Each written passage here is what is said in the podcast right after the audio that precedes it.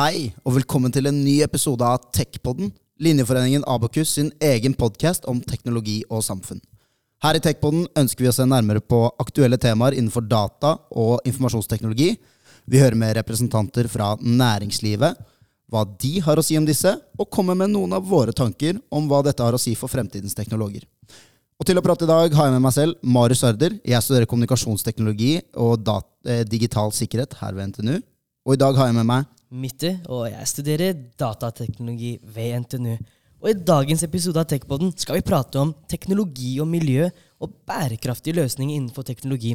Vi skal se nærmere på hvor vi står i dag, hvilke løsninger vi har nå, og hva vi må jobbe med fremover. Og ikke minst, hvilken rolle har vi som studenter oppi all denne utvikling, og hvilket ansvar er det vi egentlig har? Og til å prate om dette, så har vi fått med oss en ekspert innenfor bærekraft, Rune Haug Kori. Rune har bakgrunn fra NHH og London School of Economics, der hun bl.a. har studert økonomi og miljøpolitikk. Hun har hele tiden jobbet i skjæringen mellom ESG eh, e og næringsliv i selskaper som DNV GL og Bellona, og i dag sitter hun som CEO i Ion. Ion er et eh, bærekraftsinitiativ og en startup under Aker og Aker Biomarin. Og i dag så er hun her hos oss for å prate mer om den teknologiske utviklingen hun ser i Norge og verden i dag. Velkommen skal dere være til en ny episode av Techpodden.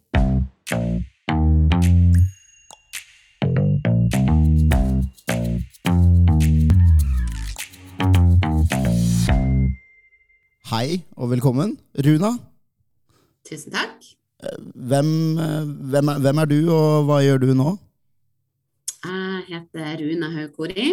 Eh, jeg jobber i Aker i et oppstartsselskap innenfor sirkularitet på plast som heter Ion.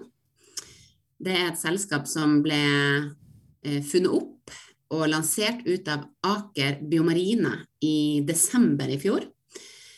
Eh, og vi jobber for å ta lederskap på å drive overgangen fra lineær til sirkulær bruk av plast i industri.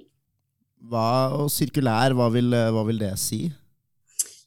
Sirkulær betyr jo egentlig at vi går fra å, eh, i tilfelle plast, da, produsere plast, bruke den inn i produkter og så kaste den, til at vi produserer plast, bruker den én gang, tar den tilbake og kverner den om eller håndterer den sånn at den kan brukes på nytt igjen og igjen inn i ikke bare resirkulerte, men etter hvert sirkulære produkter.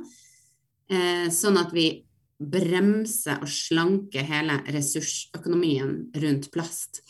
For det er sånn i dag at det produseres rundt 282 millioner tonn plastavfall i verden hvert eneste år.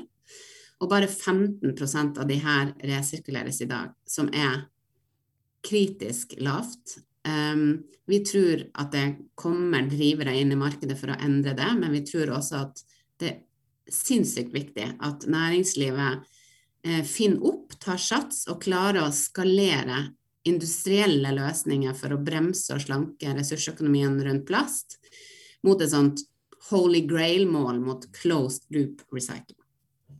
Det høres jo veldig spennende ut. Litt sånn filantropisk og eh, ideologisk, men eh, jeg håper jo virkelig at vi får den, den utviklingen. Eh, er du, er du, optimist? Jeg er optimist, og ikke filantrop. jeg er veldig opptatt idealistisk av å drive denne utviklinga frem, men jeg har en dyp tro på at vi må skalere kommersielle markedskrefter inn i dette spillet for å klare å skalere de volumene som vi trenger å få gjort sirkulære. Jeg har jo en uh, lang bakgrunn i skjæringa miljøteknologi og næringsliv. Jobba først i fornybar energi i ti år etter jeg var ferdig utdanna økonom fra NHH, og så studerte miljøpolitikk på LSI i London. Eh, å jobbe med fornybar energi for det blir jo nå 20 år siden, eh, det var jo eh, det var jo en kamp, da. Eh, da var det sterke krefter du sto opp mot. Eh, særlig når du jobba med de nye teknologiene som jeg var innenfor, som var sol og vind og sånne ting. Da var det rett og slett det å bevise at teknologien fungerte. Og så var det å jobbe frem for å få rammevilkår som gjorde at man kom, fikk knekka teknologikurven og fikk de lønnsomme, f.eks. sånne land som Tyskland, som satte voldsomme subsidier på solkraft. Og dermed fikk man liksom solteknologien over den der kneika, eh, kommersialiseringskurven, og, og, fikk gjort det mye mer sånn eh, tilgjengelig da, for andre, den teknologiutviklinga. Um, så var jeg jo, jobba i ti år innenfor fornybar energi eh, opp mot næringsliv, og så gikk jeg til Bellona. Eh, og Bellona er jo en miljøorganisasjon som jobber veldig i skjæringa marked, politikk og egentlig eh, media, eller uh, liksom det vi kaller public opinion. da. Og der er det jo en sånn dyp tro på at teknologiske løsninger er utrolig viktig for å finne løsninger og nye måter å gjøre ting på i dag, sånn at vi håndterer eh, de miljøutfordringene ganske bredt. da, Ikke bare klima, men også ressursutfordringer f.eks., som jo egentlig er det vi jobber veldig intenst med i Ayan, da, når vi tar tak i plasttematikken. Eh, og jeg er nok veldig et barn av den skolen som tror på det å utvikle, eh, få tatt i bruk ny teknologi på miljøproblemer. Eh, og også det å skalere kommersielle modeller inn i det her, sånn at man eh, får et sånt industrielt omfang som virkelig monner. Ja. Vi skal litt tilbake på litt sånn spesifikke teknologier litt senere. Men vil du si at det er lettere å jobbe bærekraftig nå enn før? Og hvorfor eventuelt? Ja, det er ekstremt mye enklere. Um, det er jo en helt annen Eh, bevissthet rundt uh, temaet. Vi har jo sånne ting som uh, Parisavtalen, som ble signert på det klimatoppmøtet i Paris i 2015. Um, vi har um, uh, Jeg tror kanskje den aller viktigste drivkrafta som jeg har sett og merka veldig siden jeg kom inn i Aker-systemet i januar 2019, det er det som nå tas eh, i stor grad dytta frem av EU, men tas gjennom kapitalmarkedene. Så vi ser jo en sånn strømning av eh, kapital som flyter mot grønne markeder. Eh, og også fordi det, tas, det kommer reguleringer for å på en måte være mye mer eh, kritisk på hva er det man finansierer. da av slags type næringsvirksomhet opp mot eh, miljø- og klimahensyn, og for så vidt andre bærekraftshensyn også, som handler mer om det sosiale. Um, men mitt virke har jo særlig vært innenfor det her med miljøet, da. Mm. Eh, og jeg vil jo si at um, det som vi ser som kommer gjennom investormarkedet, er en utrolig viktig driver for å styre eh, kapital og selskaper i retning av å faktisk satse inn mot det jeg kaller fremtidsmarkedet, da, som veldig ofte sentrerer seg rundt ny miljøteknologi. Ja. Og en, en, sånn myte jeg føler sitter igjen hos mange folk, det er at bærekraft det er en sånn ja, idealistisk, ideologisk, en sånn fin tankegang om at uh, vi skal redde verden, men, men, at man, det kanskje ikke er lønnsomt, det krever subsidier. Er, men er det lønnsomt å drive bærekraft i dag? Er det lønnsomt å tenke miljøvennlig? Er det lønnsomt å finne på slike løsninger? Ja, jeg tror man begynner å se konturene av, av at eh, Og her har jo politikk og markedet spilt på lag, og trenger å spille på lag i mange år fortsatt. Og subsidier vil nok være viktig innenfor noen miljøteknologier for å få de rulla ut og få de litt over den der kostkurven, sånn som da jeg nevnte Tyskland typisk gjorde med solteknologiene. Eh, og der kan jo rike land ta et ansvar, mener jeg, rett og slett, på å eh, ta seg råd til å drive ned installasjonskosten på ny miljøteknologi. Men jeg tror at uh, bærekraft har gått fra å være noe sånn uh, litt sånn nice to do, til noe som selskaper ser at de trenger å gjøre rett og slett for å posisjonere seg for um, tilgang på finansiering. Um, hedge seg for reguleringer som kommer, og i stor grad også for å holde tritt med reguleringer som allerede er på vei inn. Da. Så jeg vil si at uh, um, at uh, det her med bærekraft uh, Vi er liksom litt forbi den, den fasen hvor vi uh, stilte oss spørsmålet kan bærekraftige tiltak være lønnsomme. Um, men det har, en, det har, jo vært en, utfordring i mange år å på en måte drive frem den satsinga nettopp pga. det paradokset som du sier der. Da. Men jeg syns jo også det er Det kommer jo også en sånn etterspørsel eh, på en helt ny måte nå. og Det handler jo litt Alt henger jo sammen med alt her, da. Men for å posisjonere selskapene sine for det er sånne som jeg gjerne kaller future-proofing. da. For det man vet kommer fra investorhold, fra reguleringer i de markedene man er, fra konsumentetterspørsel, så ser man at mange store selskaper, kanskje særlig de som jobber B2C, altså jobber ut mot eh, konsumenter, de setter seg ganske ambisiøse målbilder, typisk en horisont frem mot 2030, på at de i sin drift skal kutte kanskje 50% CO2-utslipp, de skal ha så og så mye avfallsreduksjon, de skal ha så og så mye um, så og så mye eh, sirkularitet på, eh, på, viktigste avfallsstrømmer eller på produkter i sin egen portefølje, sånne type mål som de kommuniserer aktivt på, og på en helt annen måte er nødt til å dokumentere fremdrift på. Og det skaper jo en etterspørsel etter helt nye løsninger, som er veldig nødvendig. Og det er jo akkurat de strømningene der vi posisjonerer Ion for. Vi ser at alle de vi snakker med av kunder, er de som ønsker å eh, være tidlig ute, ønsker å få til sirkularitet, ønsker å liksom ta en posisjon på det her og liksom hedge seg litt for fremtidige reguleringer. Mm. Og ja, hva er det vi studenter kan gjøre for å, for å bli mer bærekraftig, for at utdanningen skal bli mer relevant, for å bruke den når vi kommer ut i arbeidslivet? Hmm. Ja, det der er jo et veldig godt spørsmål. Det er jo en ting er jo hva man kan gjøre som enkeltmennesker, og der opplever jeg at uh, den generasjonen studenter og de som er yngre enn studenter også i dag, har et helt annet mindset enn det som var på den tida jeg var student, f.eks., og når jeg begynte å jobbe med fornybar energi.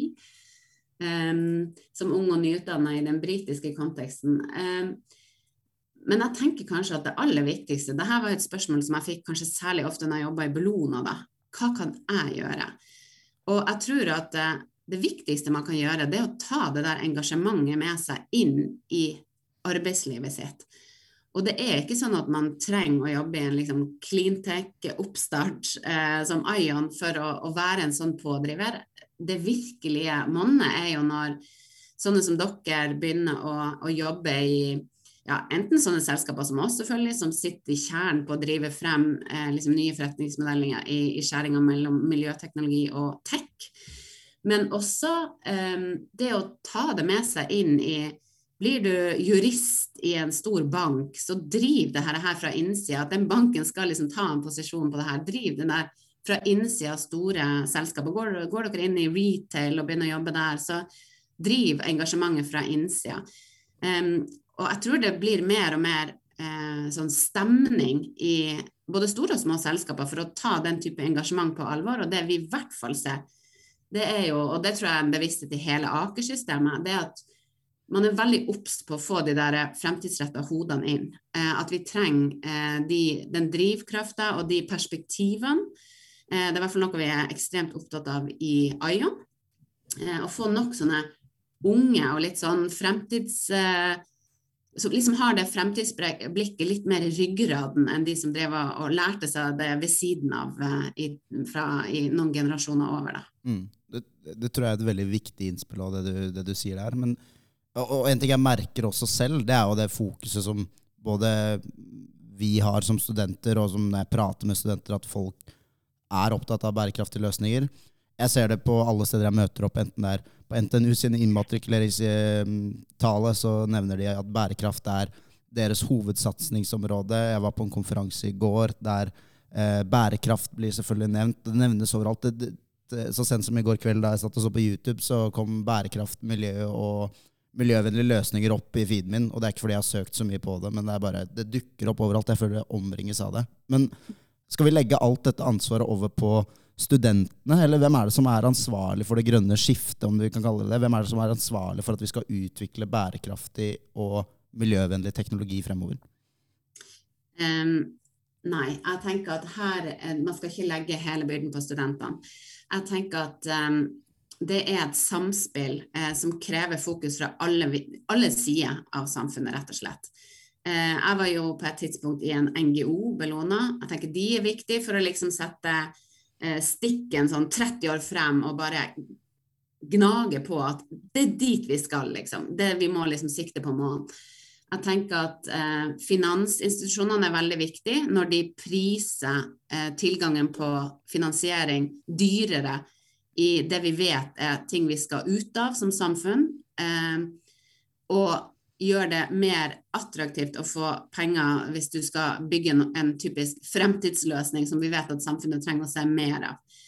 Eh, jeg tenker helt klart at store næringslivsaktører har et ansvar for å sette skuta, justere den litt da, eh, i en riktigere retning, og nettopp da gi rom for at sånne unge drivkrefter kommer inn med, sitt engasjement, og ikke bare sitt engasjement, også sin oppdaterte eh, utdanning. Det fantes jo ikke utdanning på en del av de her tingene før de siste årene. Jeg ser vi som f.eks. i Ion, da, som skal ha materialekspertise innenfor plast og sirkularitet. Det er altså ikke så mange Eh, som har studert det, på en måte. Eh, så det å skape de arbeidsplassene da, eh, til de som kommer med denne ferske kunnskapen og, og de nye perspektivene, det tenker jeg helt klart er, er liksom rollen til de store næringslivslederne og aktørene. Og der må jeg jo få lov til å skryte litt, syns jeg, da, av Aker-systemet. For jeg opplever jo bare siden jeg kom jo, jeg har bare vært der siden januar 2019 og opplever jo at det har vært en vanvittig utvikling eh, i takt med det som har skjedd i samfunnet rundt, selvfølgelig da, men at Aker har liksom evna å snu seg på å prøve å sette nye forretningsmodeller inn i de her fremtidsmarkedene. Um, basert på at man tjener penger, har tjent mye penger på tradisjonell eh, typ olje og gass, og Aker Biomarine er jo da fiskeri. Mm. Eh, og det, det, tenker jeg jo er liksom den glidninga som man trenger å se. Og jeg var eh, den uka her, så jeg vet ikke om dere kjenner til det Aker-selskapet som heter Cognite. Yes. Eh, og Cognite hadde den uka her noe som het Ignite Talks.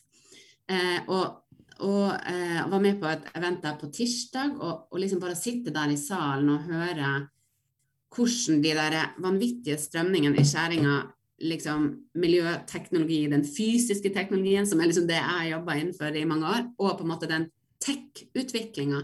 Hvordan de to bare skal konvergere fremover og liksom være det som virkelig dytter frem inn i, inn i. Og på en måte det fokuset på liksom unge krefter og hva slags type folk man trenger og ønsker å rekruttere, da, det var utrolig, utrolig spennende. Sånn at um, det er, jo, det er jo flere miljøer som liksom tar industrimiljøer som begynner å virkelig sette fart inn mot de her fremtidsmarkedene, som jeg tenker vil kunne ha mange spennende jobber for eh, sånne som dere som kommer ut av NTNU med en oppdatert eh, utdanning. Ja, og Hvis vi skal liksom ta en fot i bakken, hvor føler du at vi står nå i, per Norge anno 2021 i verdenssamfunnet 2021? Hvordan ligger vi an? Ja, altså Hvis man ser på det store målbildet som ble satt i Paris på å prøve å holde eh, global oppvarming innenfor to grader, eller helst innenfor 1,5, så er vi jo ikke helt, eh, helt der ennå eh, på den liksom, kursen inn mot 2050. Jeg lurer på om der vi er på SIS nå, eller på jeg synes jeg leste at det var 2,7 grader eller noe sånt. Jeg leste akkurat en um, rapport fra McKinsey nå, og vi er jo nesten på vei mot 3,5 grader hvis vi fortsetter i den retningen nå. Det ja, det, er fra januar 2021, den rapporten her. Ja, sånn at uh, vi, er jo ikke, vi er jo ikke på riktig kurs as is. Samtidig så tror jeg vi må la uh, gode krefter få lov å virke litt de neste årene, fordi det mobiliseres altså i et helt annet tempo enn man har sett før. Og så er det lett å bli litt sånn blind fordi man har liksom sett litt lyset i, i Norge, og på en måte det snur seg her, og vi er jo bare et bitte lite land. Men det skjer også ting internasjonalt som vil monne, og som er viktig. Eh, vi ser at ny administrasjon i USA eh, har eh, satt en helt annen kurs for USA igjen.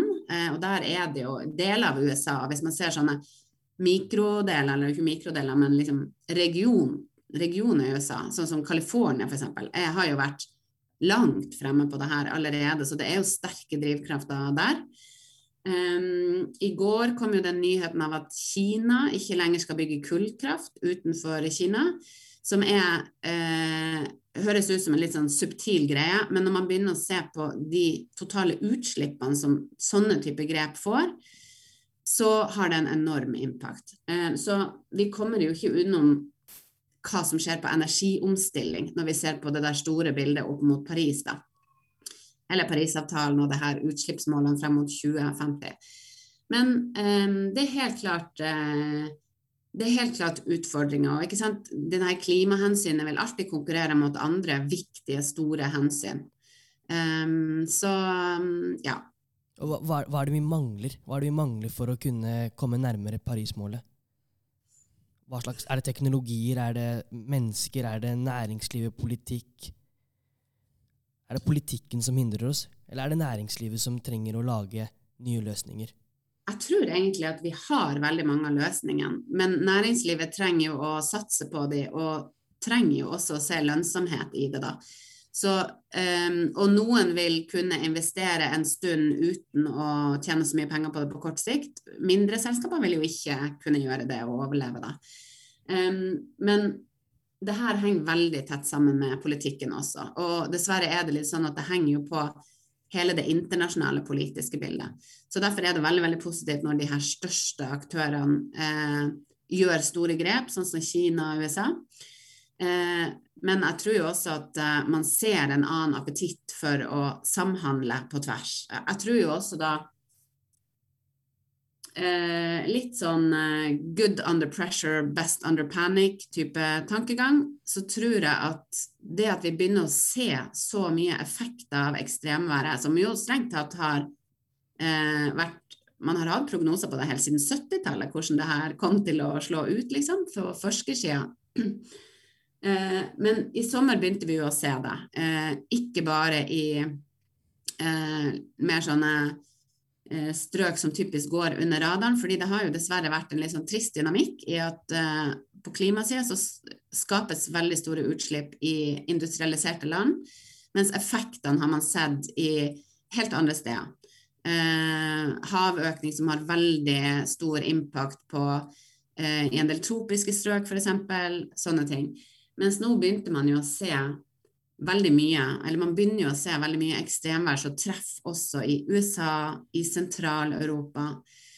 Og jeg tror at det også er med på å sette fart på hele, hele utviklinga. Og den rapporten som kom fra FNs klimapanel eh, nå i høst, eh, med varselkommentaren eh, 'kode rød', det er klart at den også Vi så jo bare i norsk valgkamp i høst hvor utrolig mye hele klimasaken um, prega den valgkampen, og hvordan en ting for deg som har jobba ganske fullt med tett på det politiske, også i Norge for dette området i mange år. Vi ser den vridninga at det er ikke de småpartiene bare som eier den saken. Vi ser at det begynner å bli liksom en veldig kjernesak hos de store partiene, som Arbeiderpartiet og Høyre. og og hvordan det på en måte også får eh, implikasjoner inn i, i, det politiske landskapet og inn i de eh, regulering og liksom de mer sånn praktiske politikken vi begynner å se ut i næringslivet. Absolutt. Jeg vil jo si at det er en wake-up call. Både det du sier med ekstremvær, som faktisk treffer oss, eh,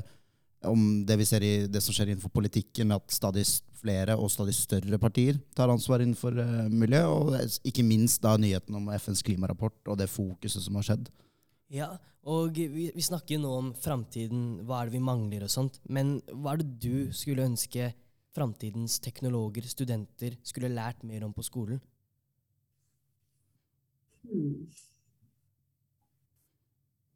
Nå har jeg litt lite innsikt i hva det er dere lærer på skolen i dag. Eh, men jeg, jeg syns jo det er eh, det som har vært litt sånn uh, aha-opplevelse for meg gjennom det siste året, da Jeg har jobba mye med eh, hva skal jeg si, de mer sånn fysiske miljøteknologiene uh, gjennom uh, mitt arbeidsliv. jeg husker når vi begynte å jobbe med offshore wind, da var jeg DNVGL, og da var det sånn her Vi satt og liksom regna på både markedspotensialet, men liksom balansepunktet for installasjon av flytende havvind. Det var liksom det handla om å prove the technology.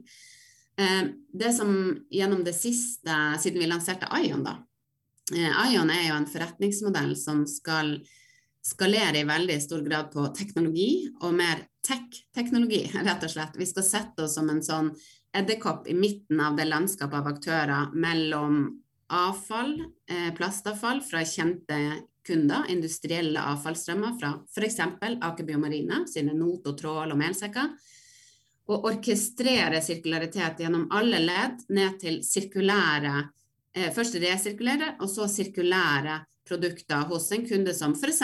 Meny. Denne ja. retail-kjeden Meny. Og vi setter oss i midten der og samler datapunkter i alle ledd. Og det å liksom samle den læringa og liksom få eh, automatisert prosesser for det her, den koblinga mellom tech, som er liksom deres type tech, med sånn datateknologi, i mangel på et bedre ord for en eh, med ikke-tech-bakgrunn, um, og koblinga opp mot på en måte eh, å klare å skalere nye miljøløsninger, den syns jeg er utrolig spennende. Og der tenker jeg at eh, å ha en bevissthet rundt det og klare å kartlegge de mulighetsrommene altså Fra vi lanserte Ion eh, i 20, desember 2020, og det arbeidet gjennom våren og høsten nå, så bare ser jeg eh, hvor utrolig viktig den teknologiplattformen blir for å sikre sporbarhet, Eh, for å dokumentere miljøeffekt, for å klare å orkestrere det her effektivt på tvers av flere og flere kunder og de rette utvalgte aktørene i alle ledd. Eh, for et godt samarbeid både med leverandører og en god og dokumentert tjeneste til våre kunder.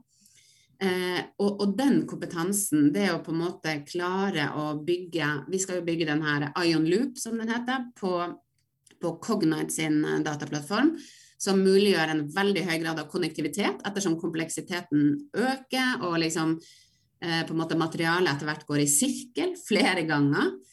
Um, og jeg bare ser hvordan den, det å bruke utvikle teknologi for dette formålet, hvor hensiktsmessig det er. Jeg vet ikke om dere så det, men forrige uke så var det en nyhetssak om Adidas, mm. som eh, ble eh, eh, trukket for retten for falsk markedsføring fordi de har eh, reklamert for noe resirkulert plastmateriale i sko.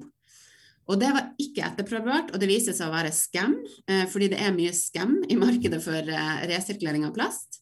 Eh, og det er ikke bare scam, det er mange gode aktører, men det også har vært en del eh, mindre etterprøvbare ting som har blitt tatt til markedet. Og det var bare et sånt godt eksempel på at eh, eh, kunder som ønsker å ta i bruk resirkulert og sirkulære produkter, som vi Meny er et godt eksempel på. Eh, kjempespennende kunde å jobbe med, veldig interessert i teknologiutvikling av det hele. Eh, hvordan det reelt er behov for en sånn sporbarhetstype tanke eh, som er tech-drevet og understøtter teknologi. Selvfølgelig må den henge sammen med fysisk sporing på bakken. Eh, men det er det er en sånn skjæring hvor jeg ser at den type kompetanse som, eh, som dere eh, eh, driver og tilegner dere, vil være utrolig viktig inn i å klare å, å bruke liksom eh, digital kompetanse, etter hvert bruke AI da, når vi skal trekke liksom, informasjon ut og kanskje gjøre prognoser basert på ettersom vi samler mer og mer mer eh, data eh, innenfor denne Ion Loop eh, fra hvert kommersielle løp, fra hvert prosess. Vi lærer jo mye i hvert, i hvert, nye kundeløp. Det høres jo veldig ut som at ja, det de kaller for data fusion, databehandling og sånt, blir bare viktigere og viktigere. Det å kunne optimalisere prosesser og se ikke minst eh, prøve å analysere hvor er det vi kan optimalisere mest, hvor er det vi kan gjøre de beste løsningene, høres jo ut som eh, et punkt som kommer til å komme mer og mer og mer. Men hvilke teknologier er det vi har sånn spesifikt eh, når det kommer til teknologi? Carbon capture er nevnt, elbiler er et kjempeeksempel. Hvilke teknologier er det som er ledende innenfor bærekraft, som du mener er kanskje de viktigste? Ja, jeg mener at elektrifisering er ekstremt viktig. Og jeg skjønner at jeg er selvfølgelig litt farga etter ti år innenfor fornybar industri. Men vi kommer ikke utenom å kutte utslipp i energibruken vår eh, når vi snakker om, eh, om klimakrisa spesielt. Eh, det å bruke fornybare, rene kilder til å skape energi, og dermed energi er jo det som driver mobilitet, f.eks., gir oss varme, lys. Det er et sånn helt fundamentalt grunnpremiss. Så jeg tenker det å omstille oss fra fossil energi til fornybar energi er et utrolig viktig moment, og er jo noe som eh, samfunnet er, eh, har en veldig økt bevissthet om. Eh, vi ser at det satses mye, og så krever det noe av det som har vært olje- og gasselskap og har tjent veldig godt på det. fordi litt sånn inherently så vil man aldri ha de samme inntektene på fornybar energi som olje og gass, fordi det er fornybart. Så, men også krever fornybar energi en annen infrastruktur. ikke sant? Så eh, det å, å, gå inn i batteri, f.eks., som lagrer kraft fra, produsert fra sol og vind, som er liksom jo da følger eh, når sola skinner og når vinden blåser. Det tenker jeg er en veldig, veldig viktig teknologiutvikling også, og noe som vi også ser som det er veldig spennende å se at Norge industrielt prøver å satse på, med flere store aktører. Morrow og Freyr og i det hele tatt. Eh, så fornybarteknologier og lagringsteknologier mener jeg er veldig viktig, og det er veldig positivt å se hvordan de har vunnet fram, ikke bare i Norge, i veldig mange land de siste årene. Så det, det er en viktig, en viktig eh, teknologi. Det her med karbonfangst og -lagring er også veldig viktig. Når man ser litt på de Um, litt på de, de banene for uh, hvor vi skal i å prøve å stagge global oppvarming, som Mittu nevnte. Så McKinsey da hadde regnet på at vi er på en bane på, mot 3,5, var det det du sa? Ja. Um, så er det dessverre sånn at vi, vi klarer ikke bare å gjøre det på energiomstilling raskt nok. Uh, vi er nødt til å også fange karbon eh, og lagre den på både f.eks eh, avfallshåndtering. Eh, liksom, selv om vi jobber med å gjøre deler av plastavfallet sirkulært, så vil vi ha avfallshåndtering, og vi vil ha forbrenning. Og det å f.eks. fange CO2-en fra sånne anlegg, eh, fra sementproduksjon, eh, det er veldig hensiktsmessig, da. Mm. Så det er også en teknologi som jeg mener er veldig viktig. Og så tror jeg det å klare å få litt fart på sirkulærøkonomi, for det ressursperspektivet er veldig ofte underkommunisert. Og her er det jo litt, i det her ligger det jo også et litt sånn tema som er litt vanskelig å snakke om politisk. Men det er jo det at vi bor nå en gang på en planet med en gitt ressursbase, og vi blir bare flere og flere mennesker. Um, og hvis vi ser på de, den utviklingsbanen for hvor mange eh, det antas at vi kommer til å bli, eh, så er vi liksom nødt til å gå fra en lineær ressursbruk. Og det her handler om både å være mer effektiv med bruk av liksom sånne kjerneressurser som vann, f.eks. Eh, men også det å, å, klare å ha en ressursflyt som er mer lineær, da. Eh, og, og, da jo Nei, som er, unnskyld, mer sirkulær. Altså at man gjenbruker ressurser, ikke bare produserer, bruker og kaster. Det er jo egentlig et, et litt sånn absurd, absurd løp, og, og helt stikk i strid med naturen sjøl, fordi den tar jo regenererer jo sitt eget inn i noe nytt hele tida. Så det er mye å lære på dynamikken der. Og, så, og da tenker jeg også relatert til det med ressursbruk. En ting er sånne som oss, som prøver å konkretisere og skalere modeller for sirkularitet innenfor plast. Det kan jo også være innenfor andre materialer. ikke sant? Her, her, kommer man til å se nye forretningsmodeller og nye tanker, tror jeg, og hvor tech for sporbarhet blir utrolig sentralt i kjernen av sånne verdiforslag. Men det skjer jo også veldig mye på effektivisering av jordbruk, eh, matproduksjon, som er veldig viktige teknologier som kanskje ikke er like opplagt at det er egentlig miljøteknologi, men det, det, er veldig det, altså. Det mm. spiller veldig inn på det store ressursbildet, og ofte også på klimareduksjonsbildet. Mm. Faktisk, eh, sånn som vi holder på da, og, og jobber for sirkularitet på plast, eh, vi eh, tar jo da plastavfallsstrømmer fra f.eks. Aker Biomarine og tar det gjennom mekanisk resirkulering. Og én kilo mekanisk resirkulert plast har 80% lavere CO2-avtrykk, altså karbonavtrykk, enn 1 kilo eh, jomfruelig plast, altså nyprodusert plast. Så det å ta plast i loop og introdusere resirkulert og etter hvert sirkulært plast i verdikjedene til eh, våre kunder, har jo en, ikke bare en sånn eh, avfallsreduksjon og sirkularitetseffekt, men har en veldig stor CO2-reduserende effekt også.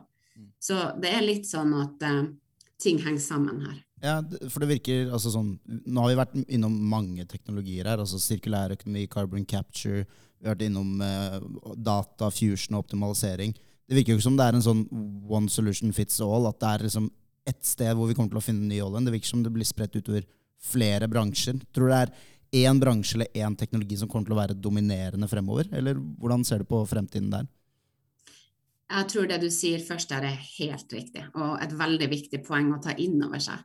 Eh, fordi hvis man, ser, hvis man går litt ned til Norge da, og ser på næringsstrukturen til Norge, hvordan den har vært, hvor man har tjent så enormt mye på olje og gass, og så ser du liksom når jeg, Hvis man ser på de grafene for eksempel, som Eksportkreditt Norge har, da, på liksom næringsstrukturen hvor utrolig mye den har hengt på én, og så neste ned til liksom sånn fiskeri og havbruk, men den har vært alvorlig mye lavere. Mm. og så er det ganske sånn flatt bakover der.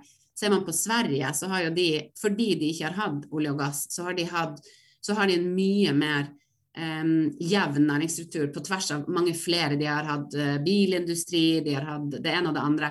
Og det har dessverre også gjort at nabolandene våre har blitt mye bedre på å tiltrekke seg ny industri, fordi de har vært bedre på å insentivere ny industriutvikling i andre bransjer. Og der har Norge en utfordring, altså. Og jeg er 100% enig i det du sier, at vi kommer til å se et landskap av mange flere typer næringer. Vi kommer ikke til å ha én ny olje. Litt som jeg sa, at fornybar energi kommer til å bli veldig viktig. Men man kommer aldri til å ha den samme inntjeninga på fornybar energi som man har hatt på olje og gass. Så man trenger å spre ut det her. Eh, om du tror om Jeg, jeg syns det er litt vanskelig å tippe på én ny sånn eh, Men jeg tror fortsatt at energi vil være veldig viktig for Norge. Ja eh, energiteknologier, lagringsteknologi, batteriindustri. Jeg tror også at prosessindustrien vil fortsette å være veldig viktig for Norge. Fordi vi har utrolig godt utgangspunkt med den vannkrafta vi har til å produsere eh, rene eh, og på en måte produkter, gode produkter med lav CO2-avtrykk. Eh, som vil være stadig mer ettertraktet i det internasjonale markedet, ettersom CO2 blir en KPI på linje med finansielle tall. Da. Men Nor Norge er jo sånn i verdenssammenheng Vi liker å se på oss som en stor og viktig nasjon, men vi er jo ikke verdens største land. Vi har ikke verdens største økonomi. Men hvilken rolle tror du Norge kommer til å ha i det grønne skiftet? Hvilket ansvar er det vi i Norge har? Og tror du vi kan bli verdensledende på bærekraftig teknologi? Ja, det tror jeg faktisk. Jeg tror vi har alle forutsetninger til det. Selv om vi er et lite land, så er vi jo ekstremt høyt utdanna. Vi har et fantastisk utgangspunkt med å um, uh, både vri kapital, men kanskje ikke minst kompetanse og liksom teknologiutvikling, alt som har ført med fra olje og gass. Eh, og det at vi begynner å se at store aktører begynner å vri det over mot nye eh, det jeg kaller sånn clean altså nye miljøteknologimarkeder, det tror jeg gir oss et veldig veldig godt utgangspunkt. Jeg tror også at den nordiske modellen er noe som eh, er en effektiv modell, og som er noe som eh, i hvert fall i visse miljøer er anerkjent internasjonalt. Um, og det at vi har en veldig høyt utdannet befolkning, er også et veldig godt utgangspunkt. Så ja, jeg tror faktisk Norge har mulighet til å gjøre seg ledende på, på miljøteknologi eh, i flere bein. Hvordan skal vi få med de andre, da? Hvordan skal vi få med de andre stormaktene som du nevnte USA og Kina i stad? Mm. Og der er det jo ikke noe veldig godt svar. Der går det jo et politisk arbeid som er utrolig viktig. Og der er jo Norge har jo vært veldig god, selv om vi, er, vi puncher jo langt over vår egen vektklasse, også politisk. Men selvfølgelig, eh, hva Kina og USA gjør, det er på en måte det er det de som råder over. Så i det politiske så tror jeg der må man jo bare på en måte være en pådriver og håpe at uh, krefter i andre steder av verden også vil virke mot uh, til, klimaets, um, til, klimaets, fordel. Men um, i forhold til å få med andre liksom, på å kjøpe de her teknologiene, for å si det litt banalt, da tror jeg jo rett og slett at norske selskaper må gjøre en god jobb på markedsarbeidet sitt forstå hvor er de markedene nå, hvor kan vi først få inntjening på det her. Og der har jo Norge en litt sånn utfordring, tror jeg, fordi vi har vært veldig gode råvareprodusenter. Vi har ikke vært vant til å terge marked på samme måte. Um, og, og, kanskje jobba veldig lenge med å ta noe veldig avansert og perfekt til nye markeder, men kanskje ikke vært så god på den der salgsbiten, da.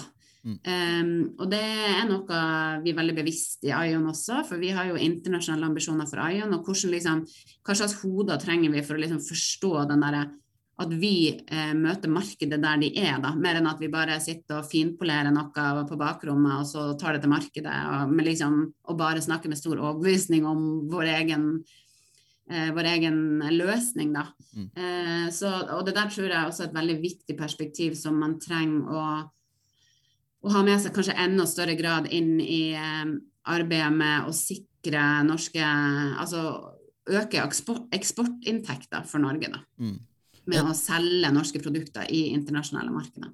En, en, en ting jeg har lyst til å bare høre ditt perspektiv på. det Vi har nettopp vært gjennom en pandemi som har påvirket oss på veldig mange måter. Det har jo senket en del av utslippene våre, men det har på langt nær gjort, eh, skapt en løsning for oss. Men eh, som CEO i Accenture sa, at vi har, kan nå bruke teknologi bedre. Altså Vi har fått kanskje en, et annet perspektiv på hvordan vi skal bruke teknologi, og eh, sett kanskje løsninger på ting vi kan gjøre annerledes. da, At vi har fått satt ting litt perspektiv, i perspektiv. Tror du det er enklere å jobbe bærekraftig, og tror du vi ser flere bærekraftige og teknologiske løsninger i lys av den pandemien vi har vært gjennom nå? Ja, det tror jeg. Jeg tror det helt klart er mye enklere å jobbe bærekraftig. Vi ser terskelen for å ta digitale møter mye lavere. Og det er jo ikke bare et miljøeffekt, det er jo så himla kostnads- og tidseffektivt òg. Så det måtte jo en pandemi. Litt i tilbake til det her good on the pressure, best under panic. Det måtte en pandemi til for at alle lærte seg det. Mm. Helt klart. Jeg tenker all den tida man har kasta bort på å liksom, ta én times møte i Stockholm, så går det en dag, liksom. Eh, I tapt arbeidstid og alt mulig. Eh, så det tror jeg helt klart. Eh, så tror jeg jo at man kommer til å fortsette å reise, og jeg er jo litt der, da, som en mer pragmatisk miljøaktivist. Mm jeg tror jo ikke verden går fremover hvis vi slutter å, å, besøke andre land og forstå andre. Jeg tror jo vi må elektrifisere de flyene, liksom. Ja. Eh, men, men, det at vi er mye mer bevisst på hva vi egentlig trenger å fysisk gjøre, kanskje særlig knytta til reising i arbeidslivet, det er i hvert fall noe vi er veldig bevisst hos oss. Da. Det tror jeg er en kjempeviktig læring. Så der er jeg helt enig med hun, eh, Accenture-dama. Jeg håper jo at jeg har tatt ned terskelen for å bruke teknologi for veldig mange som kanskje var, var litt sånn agnostisk, agnosti, eller litt uh, ja, litt sånn eh, dinosaurisk uh, ja. før eh, korona. Vi, vi, kan jo si det til våre lyttere at vi sitter jo her. Vi sitter i Trondheim, du sitter i Oslo, gjør du ikke det? Så vi spiller, ja. vi spiller jo inn remote, på en måte. Så ja som du sier, terskelen for å reise eller for å ta møter digitalt har blitt mye lavere. Og der igjen så ser vi jo bare enda et eksempel på at man må ikke bare ha de kjempegrønne materiale-gjenvinningene eh, eller eh, kutte bare utslipp på ved å tenke hvordan vi kan utvikle teknologi, men også utvikle teknologi som gir alternative løsninger. Da. Ja, mm. veldig. Jeg tenker også det der, og da er vi litt mer inne på det sosiale aspektet av bærekraft. Mm. Nå kan man jo si mye om sosiale medier, men så utrolig mye enklere det er blitt å holde kontakt med eh, de man eh, bryr seg om, som kanskje ikke bor på samme sted, gjennom teknologi. da. Mm. Og liksom møte folk eh, som er andre steder, eh, med en mye lavere terskel gjennom de teknologiplattformene som har kommet til, og det at man tilgjengeliggjør på en måte interaksjon da, digitalt på en helt ny måte, det tenker jeg er mm et kjempeviktig og et stort samfunnsbidrag som har kommet til de siste årene, og som har eskalert under korona. da. Og, og, og, tenk nå, da, bare om sikkert 10-20 år så kommer det til å komme sånn AR, VR, så du føler Du kan stå fra Oslo, så føles det som du, Runa, nå står rett ved foran oss. helt sånn, Vi har på sånn VR-briller, og det kan jo bli helt sykt, kanskje. Ja, så, neste, neste, gang jeg er med, så kommer jeg som hologram i deres studio. Ja, er, Jeg gleder meg, men da trenger vi noen flotte studenter som kan eh, drive med litt AR-VR for oss. For det, det, har ikke jeg peiling på, i hvert fall. men ja, tusen takk for en kjempehyggelig samtale, og for at du tok deg tiden til å prate med oss. Eh, du er jo en uh, aktiv og en busy dame, eh, men før vi liksom runder av har du en sånn siste oppfordring til fremtidens teknologer? Til eh, studentene du prater til nå? Uh, and preach. and preach? Nei. Bare si jeg tror dere har valgt helt riktig retning. Kombiner det veldig gjerne med et miljøengasjement, og ta det engasjementet med uansett hvor dere går. Bare vær litt eh, på. Driv det frem gjennom eh, de selskapene dere kommer inn i. Søk dere veldig gjerne mot cleantech-selskapene i Aker. Eh, og eh, det er ingen tvil om at eh, sånne unge, frem, fremtidsretta og litt sånn future-proof-tenkende tech-hoder, det kommer norsk næringsliv til å trenge så sinnssykt de neste årene. Så jeg tror ikke dere blir å få vanskeligheter med å få gode jobber. Så bra. Tusen takk, eh, og så får du ha en fin dag eh, videre.